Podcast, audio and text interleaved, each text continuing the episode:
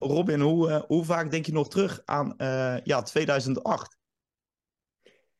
Ja, nou ja, kijk, het is niet zo dat je er nou eh, mee opstaat en mee naar, bed, mee naar bed gaat of zo. Maar je wordt er toch wel, ook door je omgeving, regelmatig aan herinnerd. Weet je, Ehm, ik geef nu les op de Hogeschool Rotterdam. Dan geef ik economie en, en marketing. En daar, studenten weten het ook, hè, dus die beginnen erover. Of ik werk twee dagen in de week eh, als eh, consultant in het bedrijfsleven. De coach wat mensen, die mensen weten het ook. Dus je wordt ermee geconfronteerd. Dus eh, doordat mensen er, continu over beginnen, Ja. worden ermee geconfronteerd en geef je netjes antwoord. Maar het is niet zo dat ik met mijn medaille om mijn nek over straat ga of zo.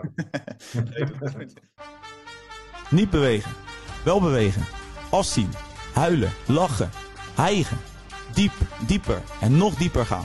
Alles om dat doel te bereiken. Maar waar haal je de motivatie vandaan? Ik haal het voor een deel uit bijzondere verhalen van sporters. In Jago Ontdekt deel ik die verhalen met jullie. Dus kijk, luister en laat je inspireren om gelukkiger en gezonder te worden.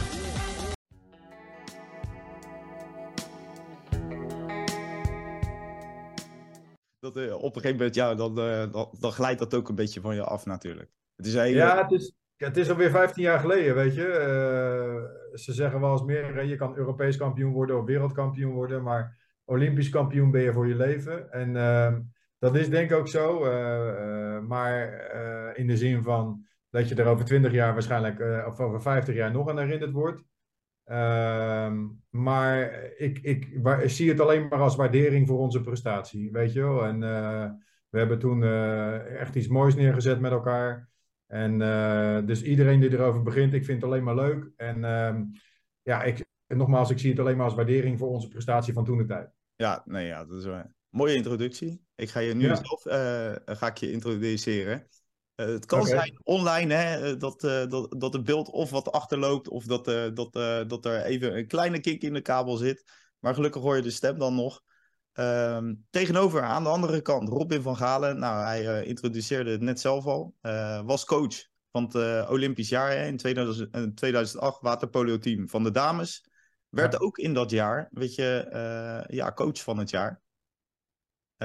Dat was natuurlijk ook mooi. In 2013 eh, heb je het ook geprobeerd met de mannen. Ja. De plaatsen voor Rio de Janeiro, als ik me goed heb ingelezen. Ja. En in Nederland coachte je eh, HZC, eh, de Robbe De Robben, ja. en eh, GZC Donk. Ja, Ja, ook goed. Zit ik, bij. ik zit Ook helemaal goed. En zorg ervoor dat de mannen eh, van UZSC promoveerden naar de. Eredivisie. Allemaal al die letters, joh. Hey. ja ah, al die afkortingen in Waterpolenland, ja, die weten het wel, ja. Nee, maar het klopt helemaal. Het staat helemaal, eh, je hebt het helemaal goed. En eh, momenteel trainer-coach bij Dutch Leaders. Heb ik ook ingelezen. Eh, in het bedrijfsleven eh, ja, ben je mensen aan het ja, coachen eigenlijk, als het ware. Ja. En Ja. docent economie marketing. En doet ook gast, gastspreker ben je ook. Ja, ik doe van alles en nog wat, joh. Dus een, eh, elke week is anders en ik, ik rommel een beetje aan. En ik vind het alleen maar leuk om allerlei verschillende dingen met elkaar te combineren. Dus elke week is weer een verrassing en elke week is weer anders. Ja, dat is, wel- dat is het leukste. Eh, Een week moet niet elke Ja. keer hetzelfde zijn. Eh, maar ik denk Nee. een mooie introductie zo, eh, Robin. Ja, nee, zeker. Dus ik doe allerlei verschillende leuke dingen en eh, daar ben ik momenteel heel content mee. Ik heb toen, ben nu eh, dit jaar 51 geworden. Ehm, Gefeliciteerd nog. Ja, heel veel, eh, heel lang in de sport gewerkt. Eigenlijk zo lang ik me kan herinneren. Maar ehm, ja, vlak voor mijn vijftigste was dat, denk ik. Ja, dat was vlak voor. eh, Dit is alweer anderhalf jaar geleden. Toen dacht ik van ja, het wordt nu wel tijd om een fase in te gaan, even uit die sportwereld. Ik heb zo lang gecoacht en zo lang zelf gespeeld en zo lang eh, actief geweest in de sportwereld, dat ik eh, behoefte had aan een andere wereld. Dus toen ehm, ben ik mijn oude vak weer op gaan pakken, ben ik gaan lesgeven. En, ik werk als twee dagen als coach in het bedrijfsleven. Want zoals je zei, dan help ik wat mensen op het gebied van leiding geven aan hun teams. Dus in allerlei leiderschapsprogramma's. Ja. En, eh, en ik coach wat mensen één op één. Dus dat is, eh, dat is heel leuk om te doen. Hey, eh, we gaan even helemaal terug. Want ik las ook dat je vrouw ook waterpolo Ja, heeft gedaan. Ook twee kids. ja. Doen die ook aan waterpolo? nee, nee, die zijn allebei gaan voetballen. Ja, ja, dat kan ook natuurlijk. Ja, ja, dat kan natuurlijk ja, ook. ja. Hey, zelf heb je ook uh, gewaterpolo'd. Uh, Ja. Waar, waar kwam die liefde voor die sport vandaan? Ja, eigenlijk, eh, ik ben opgegroeid in Rotterdam en eh, eh, mijn vader die speelde waterpolo in het Oostelijk Zwembad bij de Rotterdamse Watervrienden. Dat is een klein clubje, helaas bestaat dat niet meer. Prachtig Maar ehm, ja, toen ik mijn diploma, zwemdiploma's haalde, ging ik af en toe bij hem kijken en ik vond het een leuk spelletje. Dus toen ben ik zelf ook gaan spelen. Vanaf mijn vijfde, zesde jaar zo'n beetje. Ehm, ja, en dan merk je eigenlijk gaandeweg dat proces dat je wel iets meer talent hebt dan het gemiddelde. Eh, dus ja, dan, dan word je steeds beter. En, ehm, en dan ben ik ook naar een andere club gegaan, omdat hij hoger speelde in Rotterdam. Ja. Nou ja, goed. En ehm, eh, helaas, eh, ik, ik, kwam wel, ik heb Eredivisie gespeeld en ik heb in Jong Oranje gespeeld. En, maar toen ik 17 was, raakte ik helaas geblesseerd aan mijn schouder. Eh, moest twee keer geopereerd worden. En, eh, en de dokter zei tegen mij: joh, eh, die operaties zijn op zich wel goed gelukt. Je kan alles weer doen met je schouders. Ja. Maar eh, je schouderkapsels zijn niet geschikt om vier, vijf uur per dag te trainen. En dat was toen ook al de norm. En ehm, ja, toen ben ik, eh, toen ben ik eigenlijk, eh, heb ik mijn actieve carrière op een wat lager pitje gezet. Ik heb nog wel wat doorgespeeld. En op, tot op de dag van vandaag speel ik nog steeds met een vriendenclubje in, eh, in het vierde van GZC Donk Altijd leuk. in Gouda. Eh, maar toen ben ik eigenlijk, eh, toen dacht ik op mijn zeventiende van, nou ja, als ik als speler dan niet de top kan halen, dan wil ik graag proberen als trainer-coach de top te halen. En eh, toen ben ik eigenlijk begonnen met het eh, coachen van eh, kleine kinderen in de club in Rotterdam, waar ik vandaan kwam. En ja, toen merkte ik ook wel dat ik aanleg voor had. Dus ik ben onderaan de ladder begonnen. Heb ik zes jaar lang allerlei jeugdteams gecoacht. En op mijn 23ste ben ik eh, mijn eerste seniorenploeg gaan coachen bij GCC Donk in Gouda. Dat heb ik twee jaar gedaan. Toen de dames van Donk, toen de heren van de Robbe, toen Jong Oranje, toen de senioren, toen de dames A-selectie. Toen nog een paar clubs tussendoor, zoals UZDC in Utrecht en GCC Donk in Gouda, mannen, vrouwen. Ik heb eigenlijk alles gedaan. Ik, toen kwam er een heel traject van meer dan 30 jaar. Ja. eh, allerlei teams coachen. En eh, daar heb ik veel van geleerd. Het heeft me veel gebracht. En ik kijk er met heel veel plezier op terug. Ja, dat zijn eh, hele mooie momenten. Want je zei, eh, ik ben 17, was ik eh, toen het eigenlijk al een beetje, ja, je kreeg last en dat soort dingen. Ben je toen Ja. ook je, ik weet niet hoe dat in de wereld van de waterpolo en dat soort dingen, ben je ook je diploma's gaan halen toen daarnaast? Ja, ja, ja. ja je hebt bij ons, toen de tijd had je ABC-cursussen. Tegenwoordig is dat niveau 1, 2, 3, 4, 5. Ja. En eh, ABC staat gelijk aan niveau 5, zeg maar. Eh, toen de tijd, eh, of toen de tijd was C-diploma het hoogste diploma. Dat heb ik toen gehaald, ABC. Eerst, ja, dat zijn cursussen van ruim een jaar. Ja. Doe je eerst je diploma halen, dan je B, dan je C-diploma. Ehm, Moest je ook nou nog ja, afstemmen daar eh, tussendoor? Nee, nee, dat Water niet. trappelen? Ja, het leek Nee, net, nee, het leek net of je je zwemdiploma ging halen. Ja, nee, snap ik, snap ik, snap ik. Nee, je, als waterpolo-trainer hoef je bij wijze van spreken geen zwemdiploma's te hebben. Dat gek nee. Dus, eh, de meesten hebben dat natuurlijk wel, maar...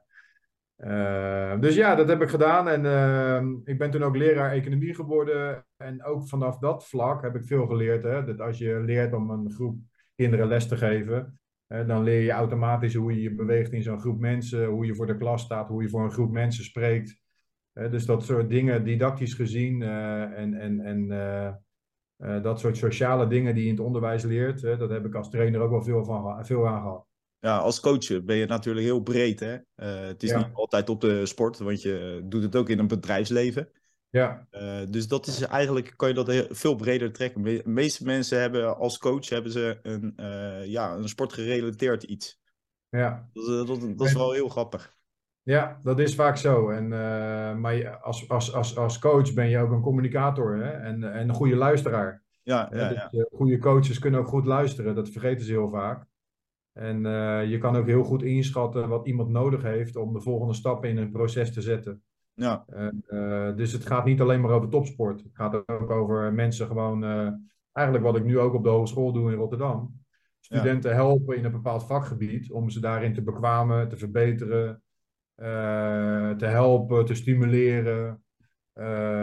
Ja, en dat is heel erg leuk om, om op allerlei verschillende vlakken mensen te zien ontwikkelen. En Ja. niet alleen maar dat topje van de ijsberg in de Olympische Spelen, maar ook op allerlei vlakken. Ja, ja, het is eh, nogmaals heel breed. Hey, Ja. je, je was eh 17. ehm, je, ja, je waterpolo natuurlijk al een hele poos. ja. Hoe was dat zeg maar qua financiën? Dacht je al gelijk van, hey, luister, ik moet hier naast echt wel iets bij hebben om ook mijn brood te gaan verdienen? En ben je toen een ja. leeropleiding gaan doen? Ja, ja, kijk, ik, uh, doordat ik de sport altijd uh, centraal stelde, eerst als actieve sporter, heb ik uh, bewust eigenlijk voor gekozen. ik had HAVO, VWO-advies bijvoorbeeld op school. Ja. Maar ja, ik wilde heel graag naar de Olympische Spelen en heel veel trainen. toen heb ik er bewust voor gekozen om eerst op mijn gemak de MAVO te doen. Toen het MBO te doen en toen het HBO te doen. Dus iets meer met een omweg mijn school uh, om te, af te maken. Ik heb wel alles in één keer gedaan, maar uh, ja, ik had ook VWO kunnen doen en dan HBO. Maar ik heb eerst MAVO, MBO, HBO gedaan om uiteindelijk veel te kunnen trainen. Nou ja, toen ik dat niet als sporter, uh, toen het met die schouderblessure allemaal ontstond, ja, toen dacht ik ook van, nou ja, weet je, dan, ja, dan ga ik dan trainer worden. Maar ja, je merkt er ook wel, in de voetballerij kan je daarvan leven, maar in het waterpolo niet. Nee ja, mijn eerste officiële salaris was toen de tijd 800 gulden per maand of zo. En dan moet je vier avonden voor training geven. Dus dat, was je al dat geld was je al kwijt aan reiskosten. Ja. Dus, dus, dus, je, dus je merkt al, je merkt dat je daar geen. Eh, dus je weet dat je er een baan bij, bij moet hebben. Zeker in het begin. Ja. Uh, dus toen ben ik ook leraar geworden en ik werkte gewoon overdag als docent. En s'avonds gaf ik dan training in het zwembad. En die combinatie heb ik heel lang gedaan. En uh, totdat je voor een fulltime baan gevraagd wordt door de zwembond. Ja. En dan krijg je wel een fulltime salaris, zeg maar. En dat was toen de tijd iets van 2000 gulden. Uh, vergelijkbaar met 2000 euro per maand ongeveer. Ja. Uh, om fulltime training te geven en te coachen. ja, en, en, en dan kan je wel in principe ervan leven. Ja. Die opbouw, zeg maar, we spoelen even vooruit, zeg maar, van uh, ja, uh, alle, al die diploma's halen, uh, ja, leraar worden.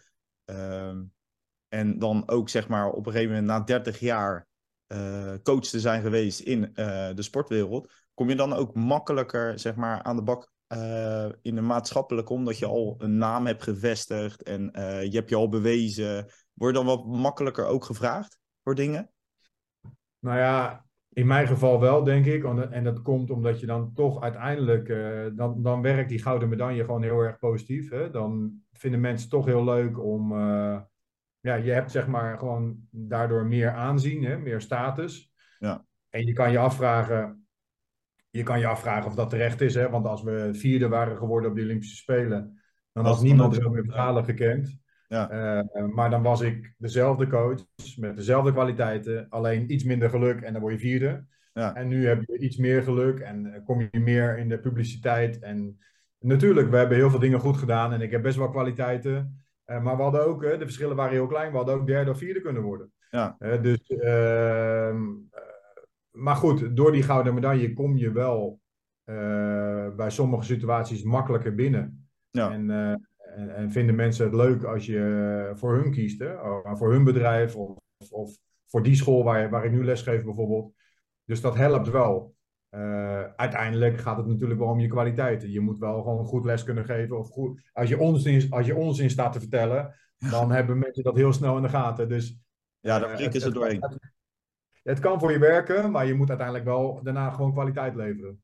Ja, ja, ja. Het, het werkt uh, twee kanten op. Dus uh, ja. je, je, moet er altijd uh, ja, volle 200% voor geven natuurlijk. Ja, ja. Hey, een mooi bruggetje maak ik, maken we nu. 2008, ja, daar, ik denk dat je dat verhaal al honderdduizend keer hebt verteld. wanneer werd je benaderd ook om zeg maar, met de dames naar de Olympische Spelen te gaan? Want dat is natuurlijk een heel traject. Ja, ja, nou ja, voor mij was het wel een droom die dichterbij kwam. Want ik wilde heel graag. Ik, ik dacht nog ineens na over goud winnen. Maar we, eh, wij wil, ik wilde heel graag naar de Olympische Spelen. En toen dat als Spelen niet lukte, wilde ik heel graag als coach.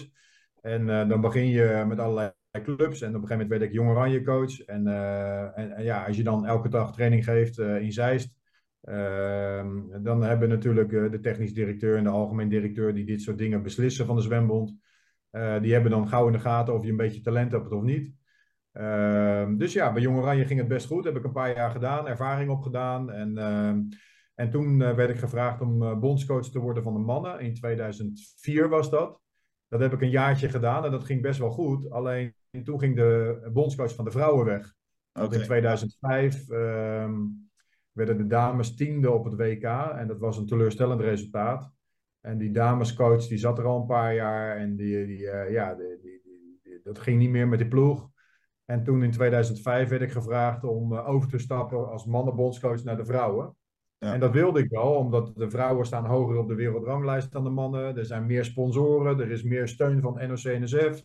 Dus er waren gewoon meer faciliteiten, meer mogelijkheden. En uh, toen heb ik dat traject van 2005 tot 2008 drie jaar mogen doen. En uh, ja, in het begin uh, was het echt wel heel moeizaam. En ja, moest er echt veel, veel veranderen, veel gebeuren. maar uiteindelijk loopt het natuurlijk na drie jaar fantastisch af. Ja. En hebben we drie jaar lang heel intensief met elkaar samengewerkt in een fulltime programma. nou ja, je hebt Yveske van Welkom ook gesproken. Die zal er ongetwijfeld ook iets over gezegd hebben. We gingen zo uh, intensief met elkaar samenwerken in Zeist. Elke dag trainen in een fulltime programma. En dat heeft die jonge groep, waar Yveske ook toe behoorde toen de tijd. Dat waren meiden van begin twintig. Ja. ja. die konden, als je goede training geeft en een paar goede coaches opzet. Want ik heb het natuurlijk niet alleen gedaan. Ook met heel veel assistentie van experts en assistentcoaches enzovoort. En krachttrainers. Uh, hebben we met elkaar een heel goed programma gebouwd met goede coaches en talentvolle sporters. En dan kan er ja, iets moois ontstaan, zeg maar, in een jaar of drie tijd. Ja, je groeit, je groeit natuurlijk ook naar zo'n evenement met z'n allen toe. En, ja. ja, wat was, wat was jouw eh, rol specifiek daarin? Ja, je moet natuurlijk het, uh, het proces een beetje coachen. Ja. Uh, waarom hadden ze jou, zeg maar, gewoon binnengehaald? Was dat echt puur omdat de, dat je bij de mannen ook goed deed? Nou ja, ik deed denk ik bij de mannen ook goed. Maar ik, ik kan me nog herinneren van die sollicitatieprocedure dat er ook coaches uit het buitenland op solliciteerden. Dus uh, ik werd gevraagd om mee te solliciteren als mannenbondscoach. En, maar er zat ook een Griek aan tafel en er zat nog een uh, paar andere nationaliteiten aan tafel. Dus die wilden die, die klus ook wel. Uh, maar toen heeft de selectiecommissie, die sollicitatiecommissie uiteindelijk voor mij gekozen. Omdat ze toch liever een Nederlander wilden hebben. En ze dachten dat ik daar geschikt voor was. Nou ja, oké. dus dan begin je zo'n proces. maar in het begin liep het voor geen meter. En hoe kwam dat? Ja, je stuit op heel veel weerstand. Ik kan me herinneren dat in het begin, in 2005, 2006, waren die dames gewend om uh, in de ochtenden in Zeist te trainen en s'avonds bij hun club te trainen. Ja. Maar we waren op dat moment tiende van de wereld. En ik had ook zoiets van, ja, als we naar de Olympische Spelen willen, want we moesten ons nog kwalificeren. Uh, als we dat willen en we willen daar goed presteren, dan moet er eigenlijk een rigoureuze verandering plaatsvinden. Dus dan ga je praten met spelers en je gaat praten met clubs. En die clubs wil je allemaal meekrijgen in de filosofie die ik had met mijn mensen. Van uh, we moeten een fulltime programma in Zeist gaan trainen. Ja. Maar ja, dat betekent dus wel dat je ze weghaalt bij de clubs en dat ze niet meer bij de club trainen. En dat is natuurlijk, eh, dat geeft weerstand bij spelers, dat geeft weerstand bij clubs, want die willen dat liever niet. Maar goed, uh, uiteindelijk is het wel gelukt om iedereen te overtuigen. En uh, en toen zijn we in Zeist gaan trainen, 2,5 jaar ongeveer. Van maandagochtend tot en met vrijdagmiddag. Zaten we ook in Zeist uh, fulltime in een jeugdherberg. Sliepen we ook daar vijf dagen. Van maandagochtend tot vrijdagmiddag trainen we twee, drie keer per dag. En uh, vrijdagavond trainen ze dan nog even bij hun clubs. Uurtje tactiek. Op zaterdag speelden ze competitie bij de, bij de club. En op zondag hadden ze vrij. En op maandagochtend om 7, 8 uur waren ze er weer in Zeist. Hè? Dus ze hadden een fulltime programma op die manier. En geen tijd om te studeren, geen tijd om te werken, geen tijd voor sociale dingen. Ja, dat was best wel een, eh, een hele heftig, harde keuze. Om in te haken, dat is, dat is heel heftig volgens mij. Ja, nou, we hadden het een beetje gepikt van de volleyballers in de jaren negentig. Die hadden dat bankrasmodel in Amsterdam. Ja. Hè, die gingen ook daar wonen, die gingen daar alleen maar trainen en, en, en helemaal zich afgezonderd van de buitenwereld. Dat hadden wij ook een beetje min of meer overgenomen. En dat is een keuze die, ja, die iedereen moet willen maken. En er waren natuurlijk ook speelsters die dat niet zagen zitten en die, die daar niet voor kozen. En die haakten dan ook af. Maar dat was een soort van selectieproces. En dan hou je toch degene die over. Ja, kijk, als iedereen zou afhaken, dan is dat ook een verkeerde keuze geweest. Maar er waren toch heel veel speelsters die daarvoor kozen. Ja. En het heeft uiteindelijk heel veel eh, effect opgeleverd. Alleen dat effect, dat had je niet in het eerste jaar. Dat, dat hadden we pas in het tweede en het derde jaar. Dus in het eerste jaar liep het voor geen meter. En ja, dan krijg je ook twijfels bij spelers en bij, bij, bij coaches ook van, ja, we trainen nu zoveel. Uh, Eh, en het heeft geen effect. Eh, moeten we dit wel doen? Weet je wel? Ja. Eh, uiteindelijk, als je, als je, je, je kan, als je dat soort echt baanbrekende keuzes maakt, kan je ook niet verwachten dat je binnen drie maanden opeens een topspeler bent. Hè? Dus dat heeft echt wel tijd nodig. Maar je, je moet ook wel die tijd krijgen. Ja, zo'n team moet En, natuurlijk ook groeien. Zeker, ja. En, en de individuele spelers moeten ook groeien. Want die waren 18, 19, 20, 22, 24 jaar. Dus die moesten ook nog wel een paar jaar doorgroeien. Om, eh, om echt eh, het maximale uit hun talent te halen. Ja, sterk het- ook worden. Het tweede- ja, en in het tweede jaar zag je gewoon eh, steeds meer progressie. Hè? Fysiek, technisch, tactisch, maar ook met elkaar. En ehm, ja, wat je dan ook nodig hebt, is uiteindelijk goede resultaten. Dus in het tweede jaar wonnen we het Olympisch kwalificatietoernooi. En dat was voor iedereen wel echt een, eh, een mijlpaal. Hè? Dat iedereen het effect van alle inspanningen zag. En vanaf dat moment zijn we dat derde jaar ingegaan. En dat was eigenlijk het beste jaar. Eh, natuurlijk, hè, van goede resultaten krijg je ook zelfvertrouwen. En van dat zelfvertrouwen hè, ga- ja, gaan mensen nog beter zich ontwikkelen. En eh, ja, dan stegen mensen echt boven zichzelf uit. Eh Yveske heb je dus gesproken. Nou, dat was uiteindelijk eh, een van onze beste speelsters in dat team. Ja. En eh, ja, die zag je gewoon met het elke drie tot zes maanden zag je beter worden. En alle data die we, die we hadden qua testen en eh lactaattesten en allerlei waarden die we bijhielden, die zag je, die, die, die data die werden ook steeds beter. Ja. Dus toen de tijd waren we al bezig met allerlei eh, ja, inspanningsfysiologen. En we waren onze tijd toen echt wel een klein beetje vooruit.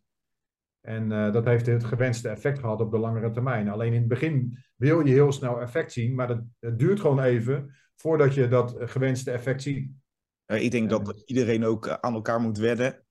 Het is natuurlijk Ja. een situatie die je niet heel erg ja, voor ogen ziet als speelster. Je wordt weg, eh, weggeplukt. Eh, misschien Ja. eh, studeerde je nog. Ja, dat moet je allemaal laten Ja. vallen. Eh, ook Ja. vrienden, vriendinnen, die zie je dan ook even een hele poos niet meer. Nee. Alles voor één doel. En dat was in 2008. Eh, daarover gesproken, 2008. eh, je hebt een opbouw gehad van, ja, laten we zeggen, twee, twee jaar, tweeënhalf jaar. En ja. Ja. dan ga je groeien ja, naar het final moment, zoals jullie dat denk ik ook zagen. Eh, Ja. Dat doel. Eh, hoe ging dat? Hoe ging dat jaar? Hoe verliep dat jaar? Dat laatste jaar bedoel je? Ja, dat laatste jaar. Dus eh, van zeg maar, nou, ne- ne- net vlak voor de Spelen tot echt, je bent daar met die prijs. En Ja. hoe ging dat? Ja. Nou ja, kijk, wat ik net zei, hè, dat, dat winnen van die kwalificatie in Rusland, ik weet nog goed, het was een van de hoogtepunten hoor. Ik denk uit ieders carrière en ook bij mij, want het was eh, een jaar voordat we naar de Olympische Spelen gingen. En dat was eigenlijk een bevestiging dat het hele proces heel goed was. En, eh, en, en toen kregen we zoveel zelfvertrouwen dat we de maanden daarna eh, nog harder gingen trainen, nog meer toernooien gingen winnen. En als je toernooien blijft winnen, ja, dat is eigenlijk de beste energie die je kan krijgen. Hè? Want dan zie je eigenlijk dat al die inspanningen die je al jaren aan het doen bent, dat dat nu eindelijk beloond wordt met allerlei prijzen die we wonnen. We wonnen allerlei toernooitjes. Ja. Ik weet nog wel dat we een heel prestigieus toernooi in, in Amerika wonnen. En toen wonnen we voor het eerst van de wereldkampioen Amerika. Dus dat geeft ook een enorme boost zeg maar, aan je zelfvertrouwen. Ja, goed. En eh, dan werk je langzaam eh, richting die Olympische Spelen. En dat is dan eh, in, de, in de zomer van 2008. Maar goed, weet je, dan, dan schrijf je daar je periodisering op. en en weet je, dus ik weet nog goed dat twee maanden voor de Olympische Spelen hadden we een Europees kampioenschap in Malaga in Spanje. En de verschillen tussen al die toplanden zijn niet zo heel groot. Hè? Het is niet zo dat wij van Hongarije of van Rusland wonnen met 10 goals verschil. Dus als we wonnen, wonnen we met één of twee goals verschil. Maar we verloren ook regelmatig. En op dat toernooi, dat EK, twee maanden voor de Olympische Spelen, werden we slechts vijfde. En, eh, en Rusland bijvoorbeeld, die werd Europees kampioen in Malaga. Ehm, maar ja, weet je, dan, moet je, dan is het heel moeilijk om twee maanden voor zo'n Olympische Spelen het vertrouwen te houden van eh, we zitten op de goede weg, we doen de goede dingen. Oké, we zijn hard aan het trainen, ook tijdens dat EK. Eh, dus die, die tapering, hè, zowel fysiek als mentaal, die was niet afgestemd op het EK, maar die was afgestemd op de Olympische Spelen. Ja. Eh, en, dan is het, en dan blijft het moeilijk om, als je met teleurstellende resultaten te maken hebt, om dan toch positief te blijven. Maar goed, uh, je blijft dan ook communiceren met elkaar en, en inpraten op elkaar van we zijn met de goede dingen bezig, we zijn op de goede weg. Alleen we werden wel vijfde op dat EK. Dat was toch wel teleurstellend, want we hadden eigenlijk gedacht dat we ook een medaille konden winnen daar. Toch een deukje. Maar goed, Rusland wint dat. Ja, en Rusland wint het toernooi, maar twee maanden later op de Olympische Spelen wordt Rusland ach, achtste en laatste. Hè, om even een, een, een, verschil aan te geven. Ze worden Europese kampioen, maar ze worden ook achtste op de Olympische Spelen. Wij werden vijfde op de EK en we winnen de Olympische Spelen. Dus die verschillen waren heel klein. En, uh, maar op het juiste moment waren we gewoon goed. Uh, twee maanden later op de Olympische Spelen. Uh, de eerste wedstrijd verloren we nog notabene hè, van, op, de, op de Olympische Spelen van Hongarije. Wat ook gewoon een goede ploeg is. Ja. toen, speelden, toen speelden we nog niet onze beste wedstrijd. En de tweede wedstrijd tegen Griekenland herpakten we ons. die wonnen we met 8-4, meen ik. De derde wedstrijd verloren we weliswaar van Australië met 11-10. Maar speelden we wel een goede wedstrijd. En we werden dus derde in de pool. En wel, je had twee pools van vier. En als je derde in de pool wordt, moet je kruisen tegen nummer twee uit de andere pool. Ja. En die nummer twee was Olympisch kampioen Italië. En daar speelden we een goede wedstrijd tegen. Uh, maar die eindigde met 8-8.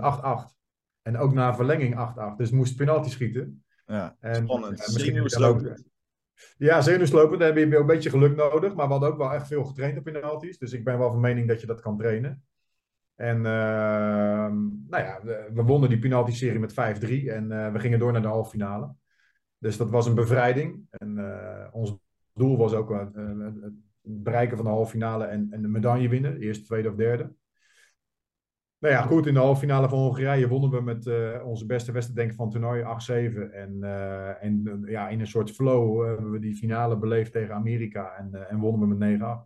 Ja, ja, dat, en dus, toen, ja. Lag je, toen lag je met je ja, kleren in het water. Dat is gebruikelijk hoor. Ja.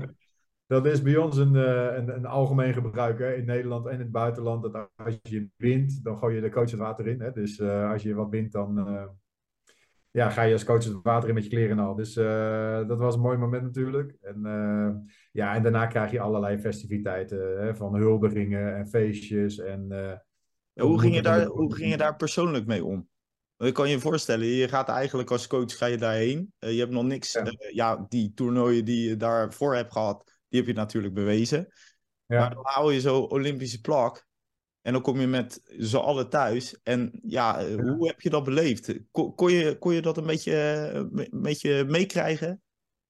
Ja, nou ja, kijk, uh, weet je, op, op het moment dat je in China aan de ronde loopt, dan ben je natuurlijk wel uh, bezig met je toernooi. En dan uh, weet je dat Nederland meeleeft. Hè? Maar toen had je veel minder in 2008 social media en zo dan vandaag de dag. Ja. Dus je praat over 15 jaar geleden. Dus um, ik had niet zo heel veel contact met het thuisfront. Hè? Wel en, uh, af en toe een belletje of zo, wat dan ook. Maar niet meer al die social media kanalen die je tegenwoordig hebt.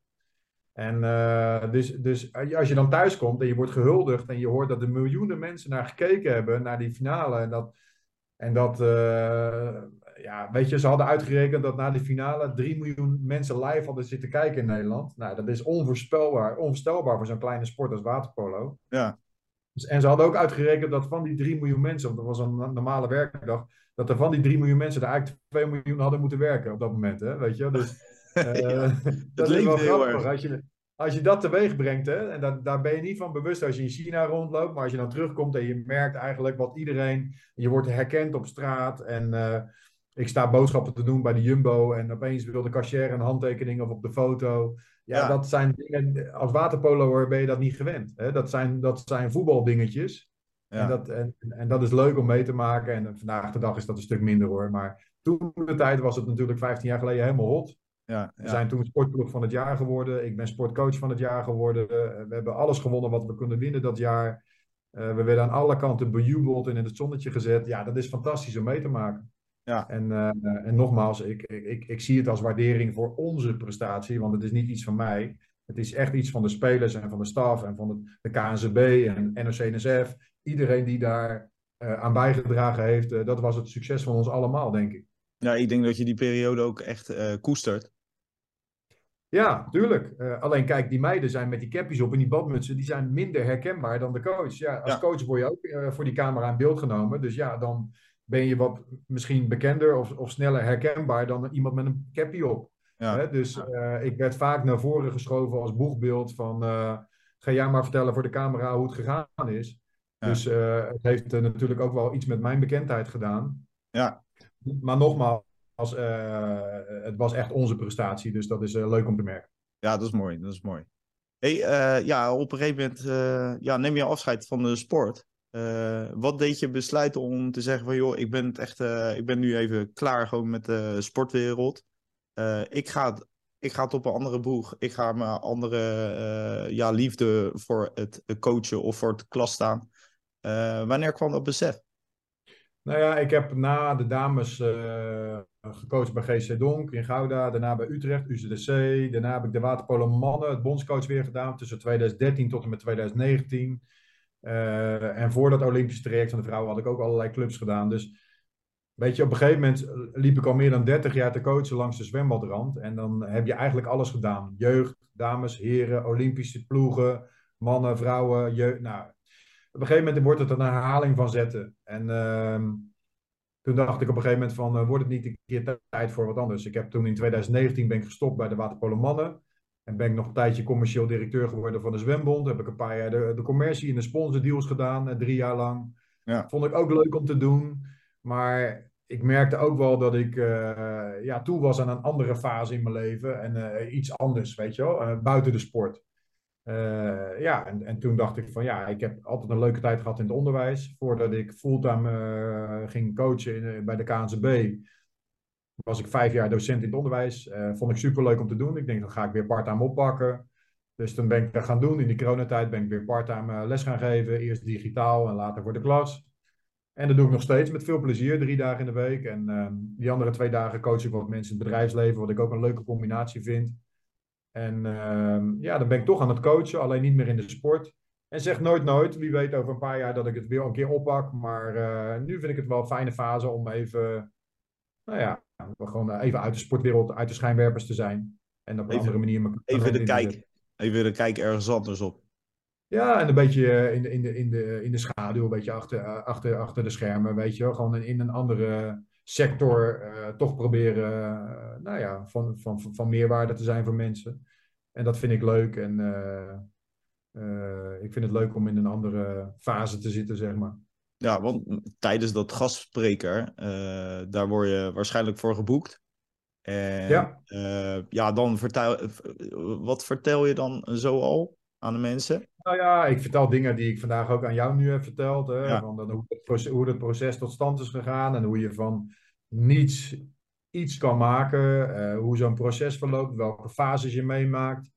Hoe je mensen probeert eh, voor je te winnen. Hoe je mensen probeert in beweging te krijgen. Hoe je mensen hun talent probeert te herkennen. Daar zijn allerlei testjes voor en alle hulpmiddelen voor.